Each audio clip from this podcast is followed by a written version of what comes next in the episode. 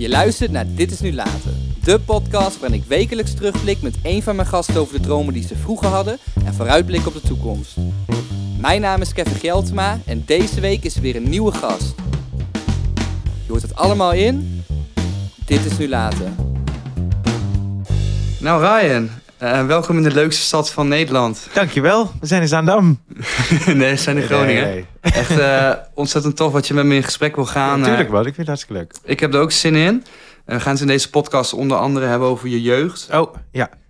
De opbouw van je carrière. Ja. En eh, we werpen dan nog even een blik richting de toekomst. Ja. Welke kant je op wil gaan. Maar laten we beginnen met je jeugd. Cool. Eh, je, je noemde het net al even Zaandam. Daar ben je opgegroeid. Ja, Ehm, je komt uit een Surinaams, Hindoestaans gezin. ja.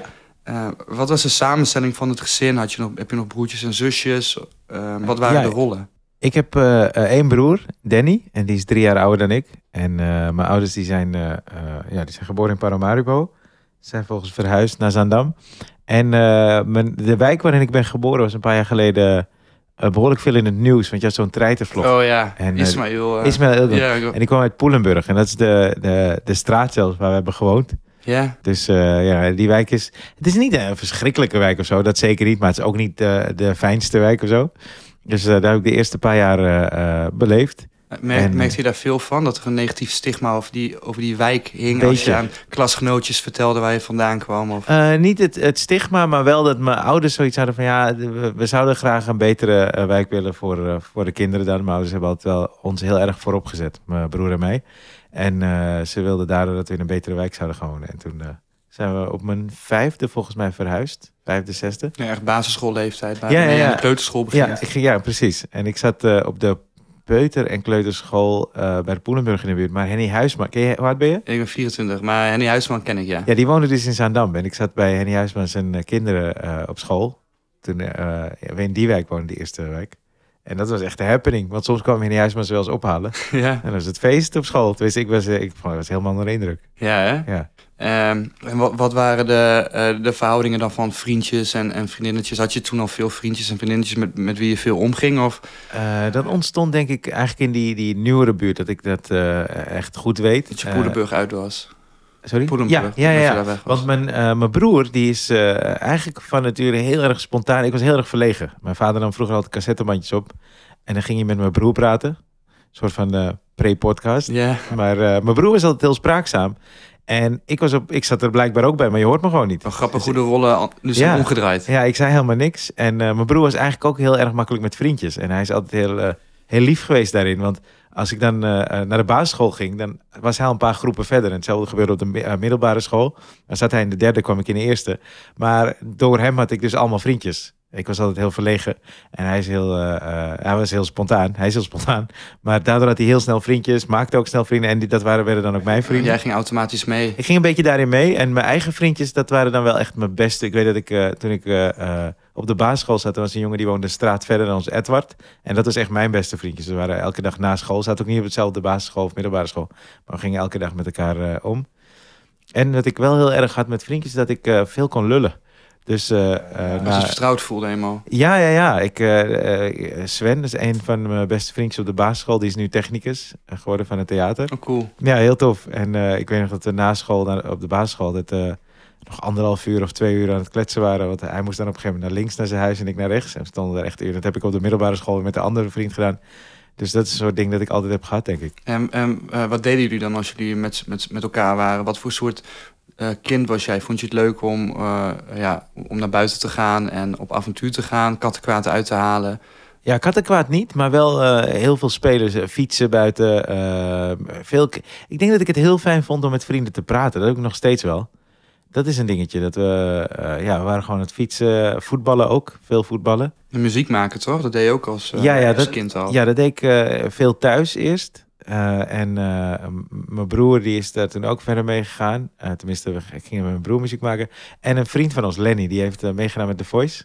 Ja. Eh, het eerste seizoen dat ze een jeugd hadden met z'n drie hadden we een reggae bandje. oh, echt? Ja, ja, Dan Ray. En dan gingen we optreden. Dat was echt leuk hoor. Staat er nog wat van op internet? Eh, nee, niet op internet, maar we hebben wel een keertje... eh, ik heb wel wat beelden daarvan. Maar die hou je voor jezelf. Ja, nou ja, sommige dingen zijn wel leuk. We een keer bij Zaanradio. Dat is een radioshow van Zandam.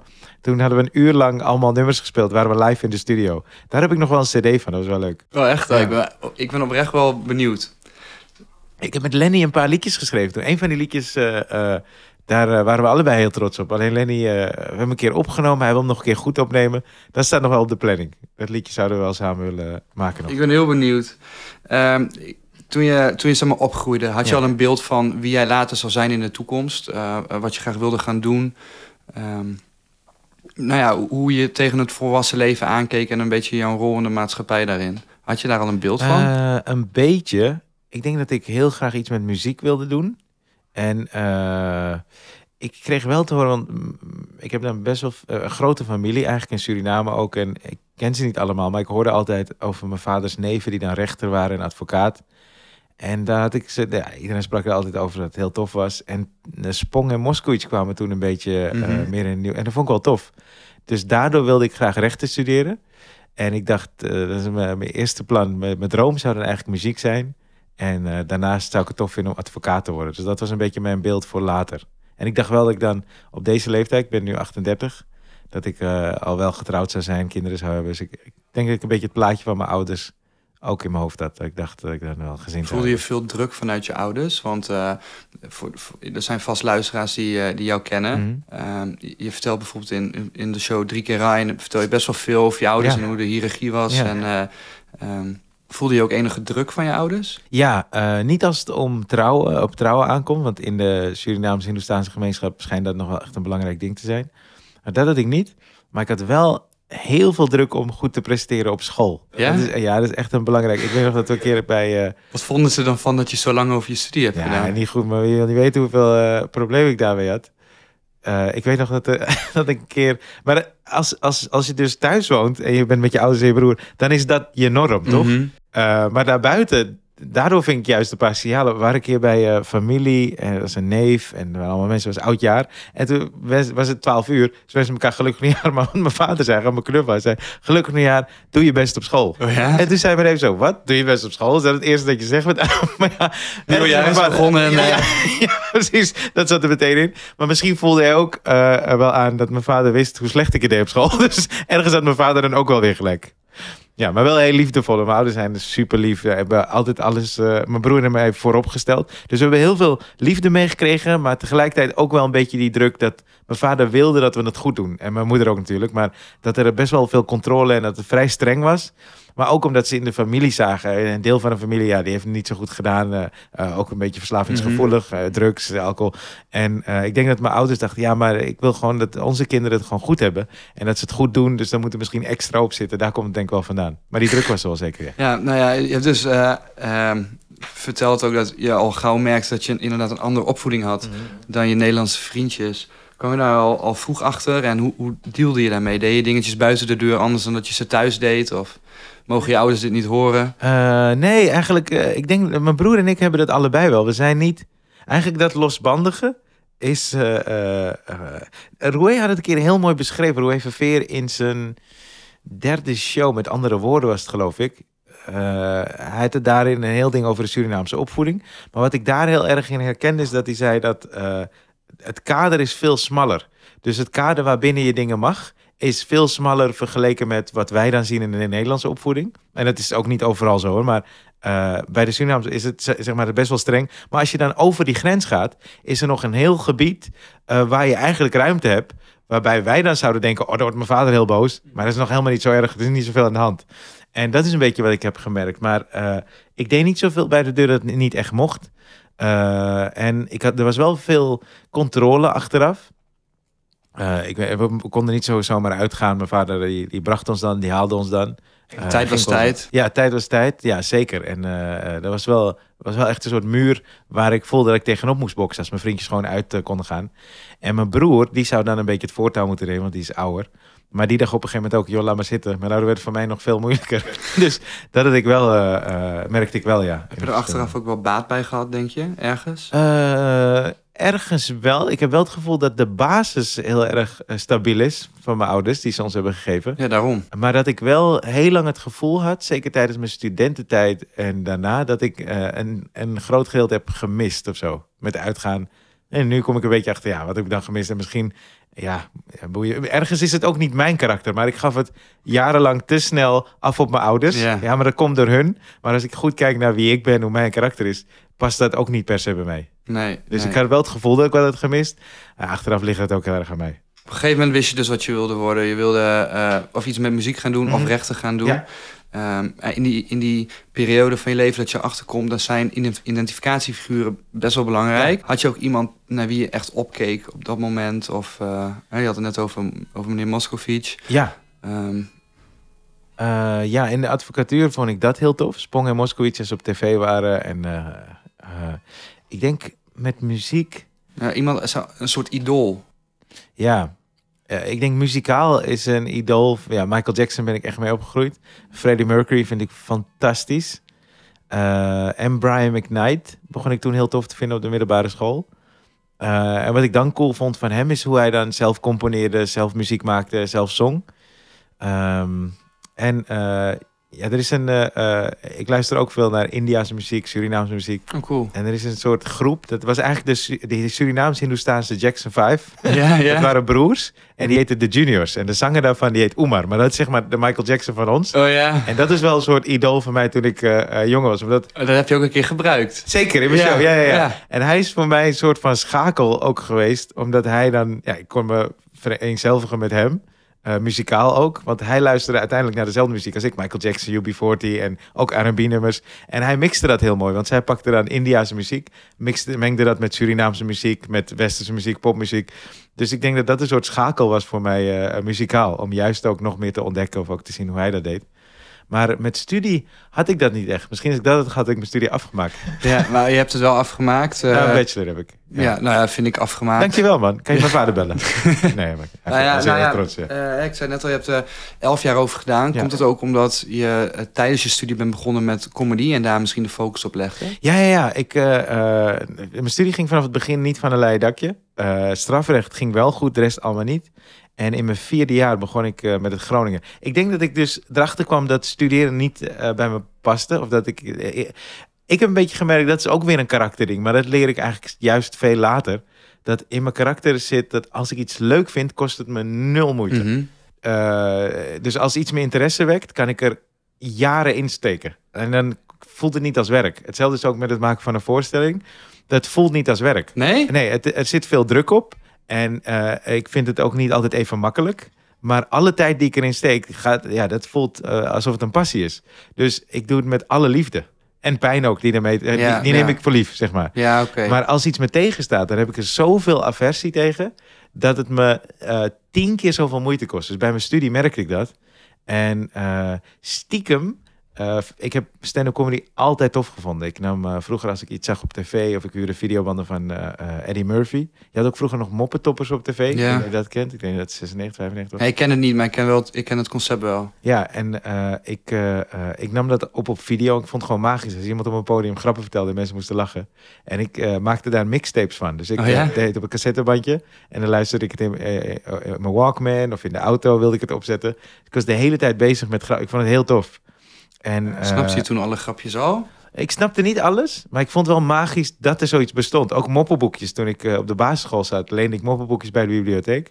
En eh, die liet ik mijn vader dan kopiëren. En dan ging ik zo s'avonds in bed, want ik moest terugbrengen. toch? Ja, Maar ja, ja. Ik leg er in bed te kijken. dacht ik, ja, maar hoe kan het dat hier vijf regels staan? En in het begin is er niks en in het einde is het grappig. Eh, dus dat had ik altijd wel een beetje in mijn achterhoofd. Maar ik dacht nooit, ik ga dat doen. En, ging, je eh, dan, ging je dan ook die, eh, zeg maar, leidend voorwerp bijvoorbeeld veranderen? En dat je, dat je zelf die grap, dat je daar een beetje mee ging spelen om te kijken hoe een grap in elkaar zit? Nee, Stefan deed het. Stefan Ja, Ja. dat- ja. ja, dat deed ik niet. Maar ik, ik snap de... de eh, nou, misschien onbewust, niet dat ik het ging veranderen, maar onbewust was ik het wel aan het ontleden. Want ik weet nog dat ik een soort Jiddisch moppenboekje had. Dat vond ik ook raar, dat er zo heel veel Jiddische moppen waren. Dat viel me er ook op. Maar dan was het Sam en Moos. dacht ik, oké, Sam en Moos, maar dat is nog niet funny. Nee, nee, nee. En die gaan dat doen, oké, dan gaan ze dat doen. Dus ik denk dat onbewust was ik wel bezig om te kijken Om- hoe dat opbouw is. Ja. Ja, kader, ja. En eh, ik dacht er nooit over na dat ik het echt zou, dat ik dat zou doen. Dat was een beetje, ik had mijn droom was muziek, maar comedy was beyond mijn droom. Dus ik dacht, dat ga ik nooit doen. En eh, tijdens mijn studie, eigenlijk rond die tijd, toen ik net begon, zeiden wel eens, mensen wel eens tegen me, hey, je moet eh, comedy gaan doen, man. je bent grappig. Ja? Ja, en ik dacht, nee, dat kan ik niet, joh. En rond mijn vierde jaar, derde jaar begonnen te leven. En mijn beste vriend, is nog steeds mijn beste vriend. Eh daarom vertelde, die weet alles, dus die vertelde ik dat ook. En toen waren we bij de Fame, zo'n muziekwinkel in Amsterdam. En dan heb je zo'n dvd van Jerry Seinfeld. Ja, ja, ja. En daarin zie je hoe hij gaat werken aan zijn nieuwe show. En eh, naar comedyclubs gaat. En die sfeer, toen ik dat zag, dacht ik, oh, die sfeer in een comedyclub. En eh, ik keek het met die beste vriend van me. En toen zei ik, we moeten naar een comedyclub gaan. Nou, Toemler kwam ik op uit. Ik kwam daar en Henry was net begonnen, Henry van Loon. Eh Jan Dino was net begonnen. En we gingen elke woensdag naar de open mic avond daar. Oh ja? Oh, ja. Was, vond, was dat spannend de eerste keer? Eh, nou, het was leuk om het mee te maken. Eh, maar ja, het was meteen tof. Die sfeer die ik zag in die docu, die zag ik daar ook. Dus het was meteen cool. Maar stond je toen zelf al op het podium? Nee, nee, nog Oké, niet. oké, Nee. nee, oké. En eh, we kwamen daar elke week. Maar ja, er waren elke week twee allochtonen in, in Toemler. En die kwamen daar niet zoveel of zo blijkbaar, want we vielen op. Oh, Dus ja? de vrouw van de kassa kwam met ons praten. Die zei, hey, jullie komen elke week hier. Henry spreekt ons ineens aan. Die zegt, hey, ik zie je elke week hier. Eh, leuk, toch? Eh, hoe vind je dat? En toen zei ik, ja, ik zou dit stiekem ook willen doen. Ja. Dus zo is het een beetje gaan leven. En zij zeiden, ja, dan moet je op het podium doen. En toen had ik een datum eh, een paar maanden later. Cool. Mhm. Nou, en was dat spannend? Dat was rete spannend. Ja, dat geloof ik. Want ik kreeg eh, die datum en eh, ja, toen dacht ik, wat moet ik doen? En toen ben ik voor de spiegel gaan oefenen. En heb ik het ook opgenomen steeds, dus zo'n audiorecorder. En oefenen, oefenen, oefenen, hopen dat het grappig was.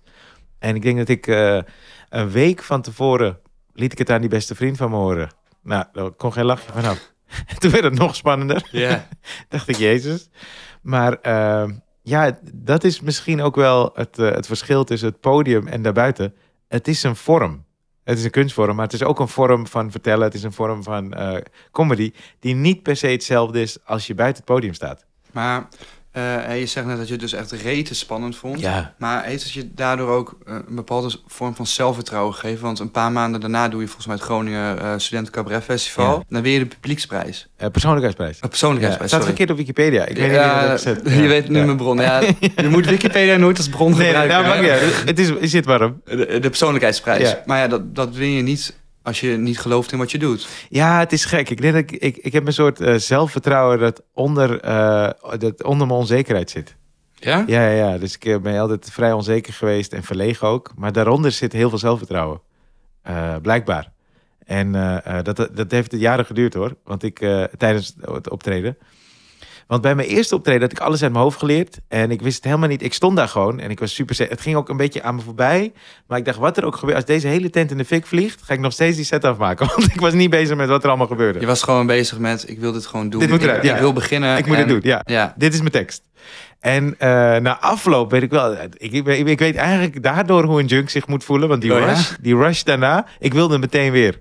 En ik was aan het shaken. Trillen, ja, ja. trillen, ja, ja, ja. En tijdens daarvoor ook, maar daarna was het echt trillen. Ik dacht, ik wil weer, ik wil weer. En die vriend van me zei, hoe was het? Ik zei, ja, eh, ik vond het spannend, maar ik wil weer. Ik was helemaal niet bezig met hoe het ging of zo. Ik dacht, het zal wel, zal ook kut zijn. Maar wat is het dan? Is het dan de lach die, dat, dat je triggert? Of het applaus aan het einde? Of... Eh, niet het applaus, de lach sowieso. Alleen daar was ik ook niet echt mee bezig. Wat ik voelde, denk ik, is dat ik me... eh, Er hangt heel veel energie in zo'n zaal. Dat, die, ja, die energie, die vibe. Maar ik heb me altijd eh, onbegrepen gevoeld. En dat heeft niet per se met andere mensen te maken. Het heeft ook met mij te maken. Eh, maar op het podium voelde ik me... eh, het klinkt misschien een beetje eh, corny of zo... maar ik Ja. voelde me helemaal begrepen eh, in dat als mensen naar me luisteren... en het met me eens zijn als ze lachen... want ik heb ergens gedacht, dit is grappig. En als ik dan voel dat zij dat ook grappig vinden... of ik krijg ze mee daarin... voel ik me echt begrepen. Vond iedereen het altijd grappig? Want eh, ik had het net al bijvoorbeeld over je ouders. Ja. Ehm, eh, je, je bent best wel open volgens mij in je shows. Ja. Tenminste, in je eerdere shows ben je best wel open. Heb je daar nooit reactie op gekregen? Van, nou, ik vind het niet zo tof dat je dit gebruikt. Of kun je dit misschien herschrijven? Of, of... Ja, een beetje wel. Mijn vader die vindt het juist. hij- Ik heb heel veel mazzel dat mijn ouders de vorm heel goed begrijpen op het podium.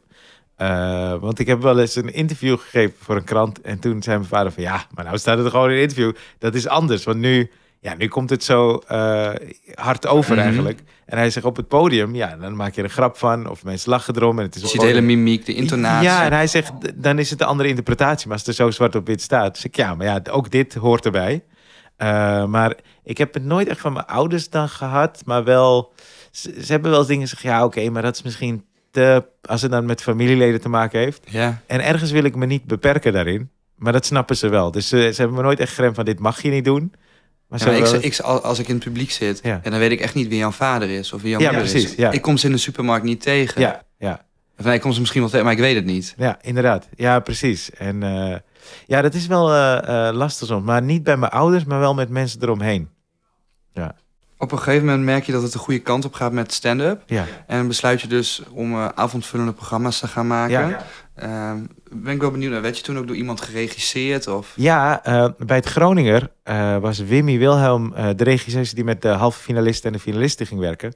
En zo ken ik haar. Zij heeft me bijvoorbeeld vertrouwen gegeven. Want ik had echt geen idee wat ik aan het doen was. Nee. En eh, we moesten dan in een, ruimte zitten. En zij zei, ja, dit was goed joh, wat je deed bij je auditie en bla bla. En toen eh, sprak ik een jongen van mijn oude basisschool. En die had een soort toneelgroep in Amsterdam. En hij zei, en Zaandam, sorry. En hij zei, ja, wil je meedoen met onze toneelclub? En ik zei tegen Wimmy, misschien is het goed door de ervaring. Ik zei, Wimmy, nee, nee, je bent al beter dan dat. Trust me. Ja? Je moet gewoon hier en hier en hier aan werken. Maar jij kan echt goed worden. Als je... En zij gaf me een beetje vertrouwen. Ik weet dat we een keer een, eh een try-out toen hadden in eh het Comedy Theater in de Nes. We deden dat tegenover, ik ben vergeten hoe het heet. En ik had vijf grappen in mijn hoofd in het half uur, waarvan ik hoopte dat die zouden werken. Nou, die werkten. Dus ik was gewoon een één blij ei. Ik dacht, ja, topavond. En zij kwam toen naar de kleedkamer, toen schudde ze me bijna door elkaar. Ze zei, wat ben je aan het doen?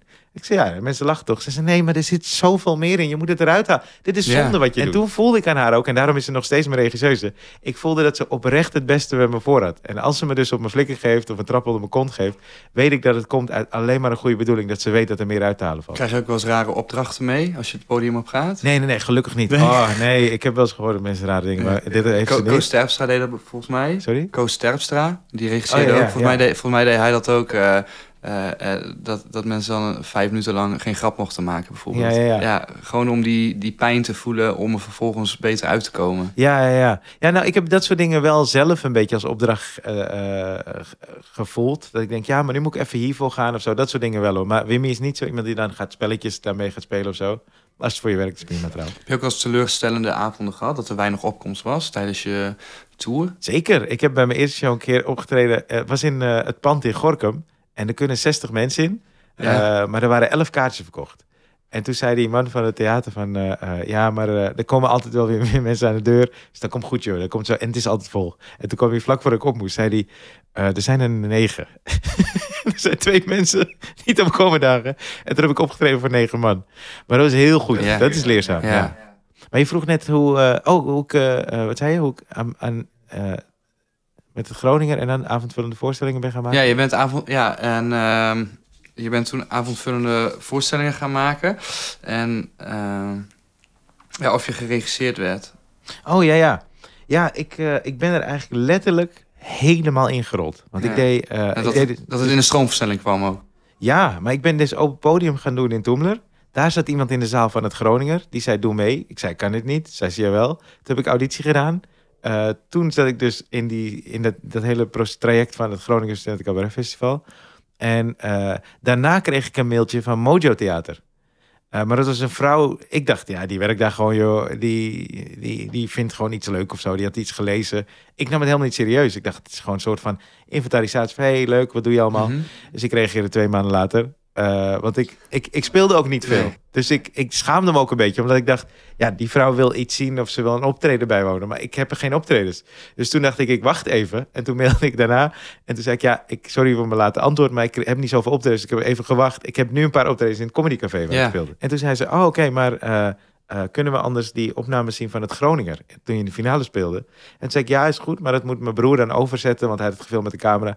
En toen zei ik, ik kom er nog op terug. En toen had ik een paar weken later gezegd, ja, ik heb het nu omgezet, ik kan het nu sturen naar u. Het duurde allemaal veel te lang. En toen zei die vrouw, nee, we hebben het opgevraagd bij Humor TV.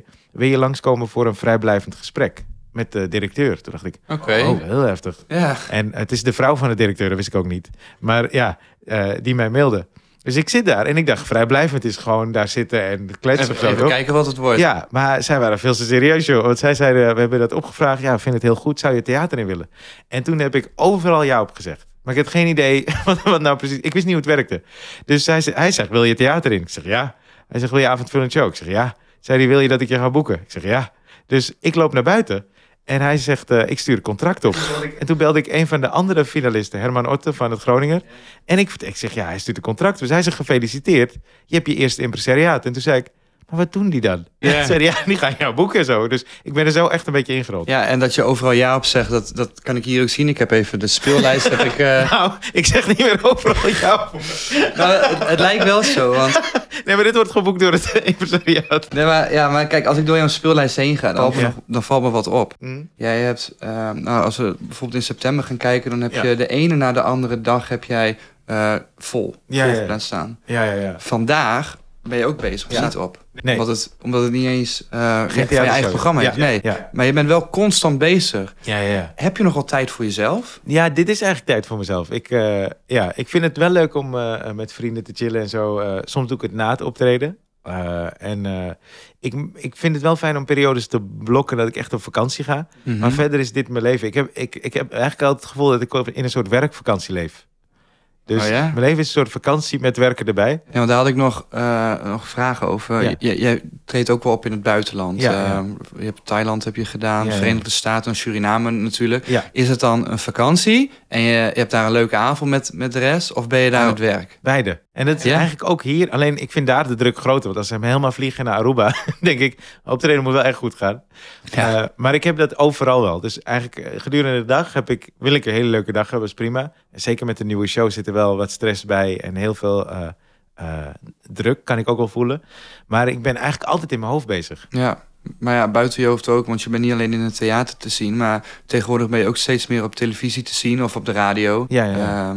Volgens mij een tijdje terug iets met 3FM gedaan, bij Wijnand. Ja, ook. Ja, ja. En ik heb eh, een paar keer de Nieuwsbv, een column eh, gedaan. columns Ja. gedaan. Ja, en eh, nou, op, op televisie doe je verschillende programma's doe je mee. eh, eh, dat deed je ook wel als tekstschrijver volgens mij. Ja, heb ik vroeger ook gedaan, ja. Ja, Ja. maar eh, op een gegeven moment is het balletje gaan rollen. En Ja. hoe, ja, dan vraag ik me wel af hoe je daar eigenlijk binnenkomt bij de NPO of bij de SBS. Want eh, de spelshow, dat was volgens mij van SBS. Ja, eh, heb je meegedaan als kandidaat. Ja, eh, eh, NPO 2 was dat. dat is, maar ik heb SBS met een ander programma. Of iets met voetbal. Iets met voetbal. Oh, de dat. WK eh, voetbalquiz. met. Ronald de Boer. Ja, dat is tof, man. ja. Ja, ik weet ook niet hoe dat precies gaat. Maar het is een beetje, ja, het een gaat dan naar het ander, weet je. Dus het is een soort sneeuwbaleffect soms. En eh, ik vind heel veel... Nou, dat, de taalquiz had te maken met dat ik ooit heb meegedaan met de slimste mens. Mhm. Nou, dat was schandalig. Ik was verschrikkelijk. Ik Ja. lag er tijdens de uitzending al echt dik uit. En dat is een soort smet geweest. En toen kreeg ik dus eh, de vraag of ik mee wilde doen met de taalquiz. Maar dat, is dus, dat gaat dan echt leven. Want dan denk ik, oké, maar als ik het doe, moet ik het echt goed doen. Deze moet ik winnen. Want ik moet nu laten zien dat ik het wel kan of zo. Eh, dus ja, en het was ook tijdens COVID. Dus dan had je ik- tijd over. ja. Dus, eh, maar ik weet niet, het is een beetje... Als iets binnen... Ik, ik vraag me altijd af of ik het zelf zou kijken.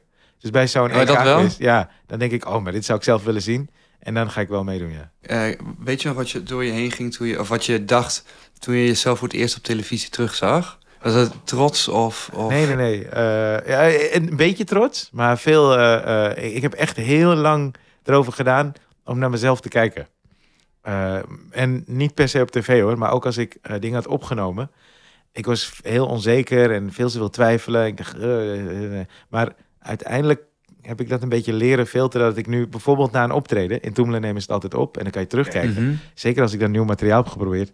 Dat ik daar een beetje doorheen kijk. Oké, ik moet even focussen op wat deed ik hier precies en hoe ging dat. Dus dat ik er niet te veel meer op Het is meer om ervan te leren dan. Ja, van te leren, ja, zeker. Ja. En wat vonden je ouders ervan dat, dat hun zoon het heeft ge- ge- geschopt tot, tot aan televisie aan toe? Ik zeg maar wat. Hè? Ja, ja, ja, mijn vader is heel trots. Zij allebei trots op. Mijn vader vindt het echt heel tof, ja. Word je ook wel eens herkend op straat? Ja, ja, ja steeds vaker. Dat, Dat lijkt me wel gek. is, eh, ik heb het wel op een leuke manier. Want eh, eh, ik ben niet zo... Ik, ik heb wel eens met Najib, dat ik dan met hem hang of dat we samen hebben opgetreden. Bij hem is het echt gigantisch veel mensen die me kennen. De hele dag ook aanspreken. En bij mij is het regelmatig. Maar dan vind ik het wel leuk. Ja? Ja. Heb je nooit iets van, uh, laat me maar even? Nee, nee, nee, omdat het niet zo erg is. De meeste zijn ook, mensen, mensen zijn ook leuk, joh. Dus ik vind het allemaal... eh, Nou, ik heb, nou, ja, ik heb heel af en toe wel. Want eh, ik, veel mensen kennen me dan... De meesten weten dan wel dat ik comedian ben. Maar dan kennen ze me van iets, bijvoorbeeld Clickbait. Het programma van Stefan, waar ik af en toe mee ga. kennen ze eh, eh, of de podcast die ik eh, doe met Stefan. Of dan kennen ze me van mijn eigen theaterprogramma's. Of als het is uitgezonden. Of een ander programma. Maar ik denk dat ik een week geleden, twee weken geleden was ik in Rotterdam. En ik had opgetreden en daarna was ik even in het centrum. En toen was er een vrouw, die had iets te veel gedronken. Die was met haar vriend volgens mij. Oh ja? Maar die zei, hey, eh, je bent niet meer bij de podcast. En eh, waarom kom je niet meer? En ik zei, oké, eh, sorry. Ja. En toen zei ze, ja, maar je, je bent al maanden niet geweest. Toen zei ik, nee, maar dat klopt niet, want ik heb een podcast met Stefan. Ja. En toen had ze me vergist met een hele andere podcast. Ja, en toen stak ze een middenvinger naar me op. En toen dacht ik, wat is dit nou Oh, weer? echt? Ja, en toen zei ik, je hebt gewoon de verkeerde voor je. Zei ze, nee, Ryan. Toen dacht ik, hé, maar je weet wel wie ik ben. Maar het hele verhaal klopt verder niet. Dus dat is echt gek. Ja, dan denk je van, uh, laat me maar. ja, laat maar even. Ja, want ik kon er niet ook doorkomen. Want ik zeg, nee, ik heb een podcast met Steve. Maar dat heeft geen zin om dat uit te leggen als iemand dronken is. Dus dat is eigenlijk het hele punt. Ja. Bijzonder, bijzonder. Ja. Ehm, eh, eh, we hadden net al even over dat je druk had. En ook even over je vrienden. ja. Is dat wel een beetje te combineren op dit moment? De meeste van mijn vrienden zijn comedians. Oh. Dus die hebben hetzelfde leven eigenlijk. Of, Stefan- of technicus? Of technicus, ja, ja, ja. Stefan is een van mijn beste vrienden. eh, Nabil, andere comedian, is een van mijn beste vrienden. Daarmee is, en de rest, ik heb een, mijn beste vriend, die nu al twintig jaar lang mijn beste... Die bel ik heel vaak. Dus onderweg hier naartoe zit ik dan een uur, anderhalf uur met een de telefoon. Dus ik eh, doe het meeste gewoon via de telefoon als ik niet met ze kan afspreken. Dus als ze een ander ritme hebben. Ja, ja, dat komt twintig jaar geleden nog niet. Nog Nee, niet op deze manier. Niet op deze geval. manier, nee. Dus, Ja. Hoe vind je eigenlijk dat je dus nu voor staat met je carrière? Loopt het een beetje zoals je wilt? Ja, ja, het loopt wel zoals ik wil. Eh, en dat komt eigenlijk omdat ik steeds meer weet dat ik het zelf in de hand heb met wat ik maak. Dat is het fijne van mijn vak. En ik, eh, er zit een soort, er is een, ik vind het altijd goed om druk op mezelf te leggen en eh, de lat te, eh, hoog te leggen. Dus dat ik allemaal dingen wil bereiken en me wil ontwikkelen. En dat heeft meer inhoudelijk te maken met wat ik wil in een voorstelling. Maar ik heb vroeger ook wel meegemaakt dat het, als de druk te veel is, dan kan het verlammen. En daar, dat probeer ik te voorkomen. Ja, snap Want ik. Als er dan te veel druk op zit, dan verlamt het. En dan ik krijg altijd last van mijn rug, dat is mijn zwakke plek. Maar dan komt er ook niet echt iets uit. Dus het remt de creativiteit. En dan moet het ook weer niet te losjes zijn. Maar daar zit ik wel een beetje in te zoeken steeds. In, eh, in hoe ik dan de beste creativiteit eruit krijg. En ook wel juist periodes te nemen om te schrijven en om te maken. Want Dat je het gewoon uitplant. Uit, ja, dat je Ja. gewoon tijd voor jezelf... ja, tijd daarbij hebben. En reizen helpt ook. Maar, maar, want elke avond spelen is wel goed voor je ervaring en om te ontwikkelen. Maar het is een andere manier van maken. Eh, ik weet niet of je de script kent. Eh, De band bedoel je? ja. Ja, zeker. Die, eh, We hebben weer een heel mooi nummer uitgebracht. een nieuwe. een nieuwe, ja. Oh, hoe heet ja. die? Ehm, dat laat ik je zo... Oké. Want The Man Who Can Be Moved is een van mijn all-time favorites. En bij hun derde album zeiden ze... Ja, dit album hebben we gemaakt... Dacht ik dat het derde was. hebben we gemaakt on the road. Dus terwijl ze on the road zijn, waren ze in de studio om die vibe vast te houden. Dat is hoe ik graag werk. Dat vind ik ook fijn, die dat live gevoel. Want als ik goed kon schrijven, was ik schrijver geworden. Maar eh, dat live gevoel vind ik heel tof. Maar tegelijkertijd zit er ook heel veel winst in wel het schrijven. Omdat je dan je gedachten op een andere manier vorm gaat geven. Je, je moet het uittypen of je bent er op een andere manier mee bezig. Want je hebt het podium niet meteen tot je beschikking. Nee. Dus daar zit een ander rijpingsproces in. En dat heb ik nu geprobeerd te creëren. Zeker met de lockdown. Eh Je bent elk bij, elke, bij de avondklok elke, elke avond gaan gaan schrijven. schrijven. ja. Ja, Ja, ja. dus ik hoop dat dat zijn vruchten afwerpt. Maar dat is wel een bewust ding van mij, dat ik daar ook echt de tijd voor wil Nou, ik, ben- ik ben heel benieuwd. eh, als je weer eh, als je nieuwe show klaar is, dan ga ik zeker kijken. En Ja. ik ben ontzettend Ja, benieuwd. in november. Want in oktober heb ik bewust ook vrijgehouden daarvoor. Ik denk even gewoon weer kijken hoe ik, wat ik heb geschreven, of ik dat kan aanscherpen. Ja, iets meer actualiteit Oh. erin misschien. Ja. Dat is altijd goed. Ik heb nog twee vragen voor je, want Ja. ik moet wel een beetje gaan afronden. Je moet zo meteen ook weer door. Ja, ja, Je hebt ja. nog ruim de tijd, maar... eh, Oh, prima. Zijn mooi op tijd, man. ja, ja. Vandaag gaat alles op tijd. Ik was hier op tijd. Soort van, ik moest parkeren. Maar ik was hier wel op zes. Het is goed dat je even met je over wil. Ja, ja. Nee, dat was echt was, was prima. Ja. Ehm, Oké, sorry dat ik laat was. Nee joh, dat was, het, is echt, het komt allemaal goed. nee, ik, kan, ik, wil, nog- ik wil nog graag weten waar je nog echt naartoe wil gaan met je, met je carrière. Even kort. Ehm, Jan vader is bijvoorbeeld fan van oudejaarsconferenties. Zie je jezelf een oudejaarsconferentie eh, doen op nationale Ja, ja, televisie? ja, ik zou dat heel graag eh, eh, willen. Eh, maar mijn stijl is... Ik, ik ben toevallig... Najib maakt er nu een. Ja? Oh ja? Oh ja? Ik ben naar een try-out gegaan. Echt heel tof. Wat had ik niet verwacht. Nee. Ik dacht, Najib is nooit zo actueel. Eh, maar hij maakt het persoonlijk met actualiteit. En ik denk dat ik daarin heel erg zou eh, willen zoeken. Is Najib ook een voorbeeld van jou? Eh, vroeger zeker, toen ik opgroeide, echt wel. En nog steeds wel hoor. Ik, ik heb de Ramadan-conferentie toen met hem gedaan. Ja, ja. Ik vind hem heel, ja, heel tof. Hij is fantastisch. Ik vind hem ook heel grappig, heel leuk. En eigenlijk zag ik bij die try-out waar ik naartoe was. En het was natuurlijk eh, een beetje, ja, aankloten is, is niet het juiste woord, want het was heel tof. Maar ik zag de oude Najib weer. Oh ja? En dat was heel tof, om, eh, om hem eigenlijk een beetje te zien zoeken. Maar ook oude Najib zat erbij, persoonlijke dingen, nieuwe dingen. Ook het een beetje opfokken af en toe, maar dat ook weer toegeven. Maar dat was oldschool Najib. En ik denk dat ik, eh, als ik, ik, ik zou het op mijn manier willen doen. Uh, want ik doe wel eens wat actualiteit. Ik heb dan die columns bij de Nieuwsbv, die Mhm. ging over de actualiteit. Dus het is wel een kant die ik heel tof vind om te onderzoeken. Maar ik zou daar dan alle focus op willen leggen. En daar vind ik Peter Pannenkoek dan weer heel erg goed in. Die dan eigenlijk zegt, oké, ik ga de oudejaars doen. Alles stopt nu. Ik ga geen Dit Was Het Nieuws meer doen. Ook geen andere Elke dingen. dag de krant lezen, elke dag Ja. bijschrijven, bijschrijven, bijschrijven. Ja, en dat zou ik dan doen. Ik zou hem er helemaal op toe willen leggen. En Dat is wel heftig, wel ingrijpend dan. Ja, ja, maar ja, oudejaars is de oudejaars. Is het dan nu- wel een beetje voor aan het einde van je carrière? Of? Eh, nou, nee, het zou nu wel leuk zijn. Ik vind het juist leuk, omdat het me even zou dwingen in een andere richting. Ik hou wel van het uit de comfortzone ding. En ik zou iets meer met muziek willen doen. Ja, snap ik. Muziek is altijd, eh, altijd, er wordt ook niet heel veel meer gebruikt tegenwoordig. Nee, nee, nee, klopt. En ik eh, heb juist in mijn nieuwe voorstelling eh, bewust... Ik ben nu met iemand gaan... tenminste, het is de bedoeling dat ik ga samenwerken... om wat meer nummers in mijn voorstelling te hebben. En hetzelfde is ook met tv, dat mijn keuzes daarop ook zijn gebaseerd. Toevallig werd ik vandaag gevraagd een programma dat met muziek te maken heeft.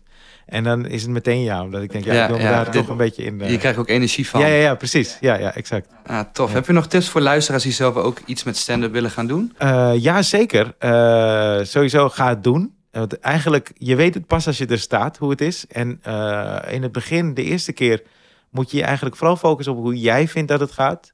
Eh, want jouw gevoel moet zeggen, ik wil dit vaker doen. En ik wil me er helemaal in storten. Ik wil alle pijn ook die het met zich meebrengt, daar, die ga ik tegemoet. En zeker alle plezier. Eh, en het voordeel nu vind ik, is dat je zoveel podcasts hebt. eh, van alle comedians die je Je, fantastisch je hebt bijna niks nodig ook. je hebt niks nodig. beginnen. Ja. En, eh, je, maar je kan zoveel luisteren. Ik vind Bill Burr al, eh, is ook al 22 jaar of zo mijn lievelingscomedian. Dave Chappelle ook. Maar van Bill Burr is er al een podcast die al jaren loopt. Oh ja? Ja, eh, de Monday Morning Podcast. En daarvoor had hij... Die ga een- ik luisteren. Oh, dat is heel tof. Maar daarvoor had hij een programma op de radio, Uninformed, met Joe DeRosa. Ja? En je kan dus zoveel informatie vinden van hoe hij denkt. Hoe hij, er is, zijn ook podcasts met comedians over hoe ze tot bits zijn gekomen. Dus hebben ze een stuk comedy. En dan gaan ze uitleggen hoe ze dat ding hebben ontwikkeld.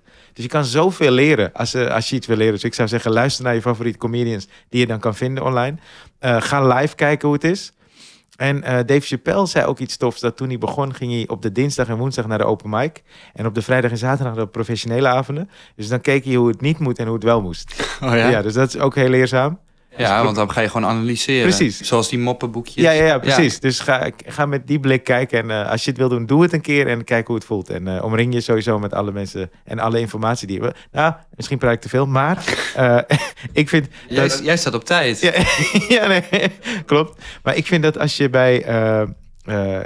sommige mensen zeggen vaak van ja, de vrienden om je heen zijn belangrijk. Ik vind dat heel belangrijk, maar het zijn niet alleen de vrienden. Want in plaats van een vriend waar je misschien niet zoveel aan hebt, eh, of die niet zoveel aan jou heeft, kan ook, kan je ook een boek lezen.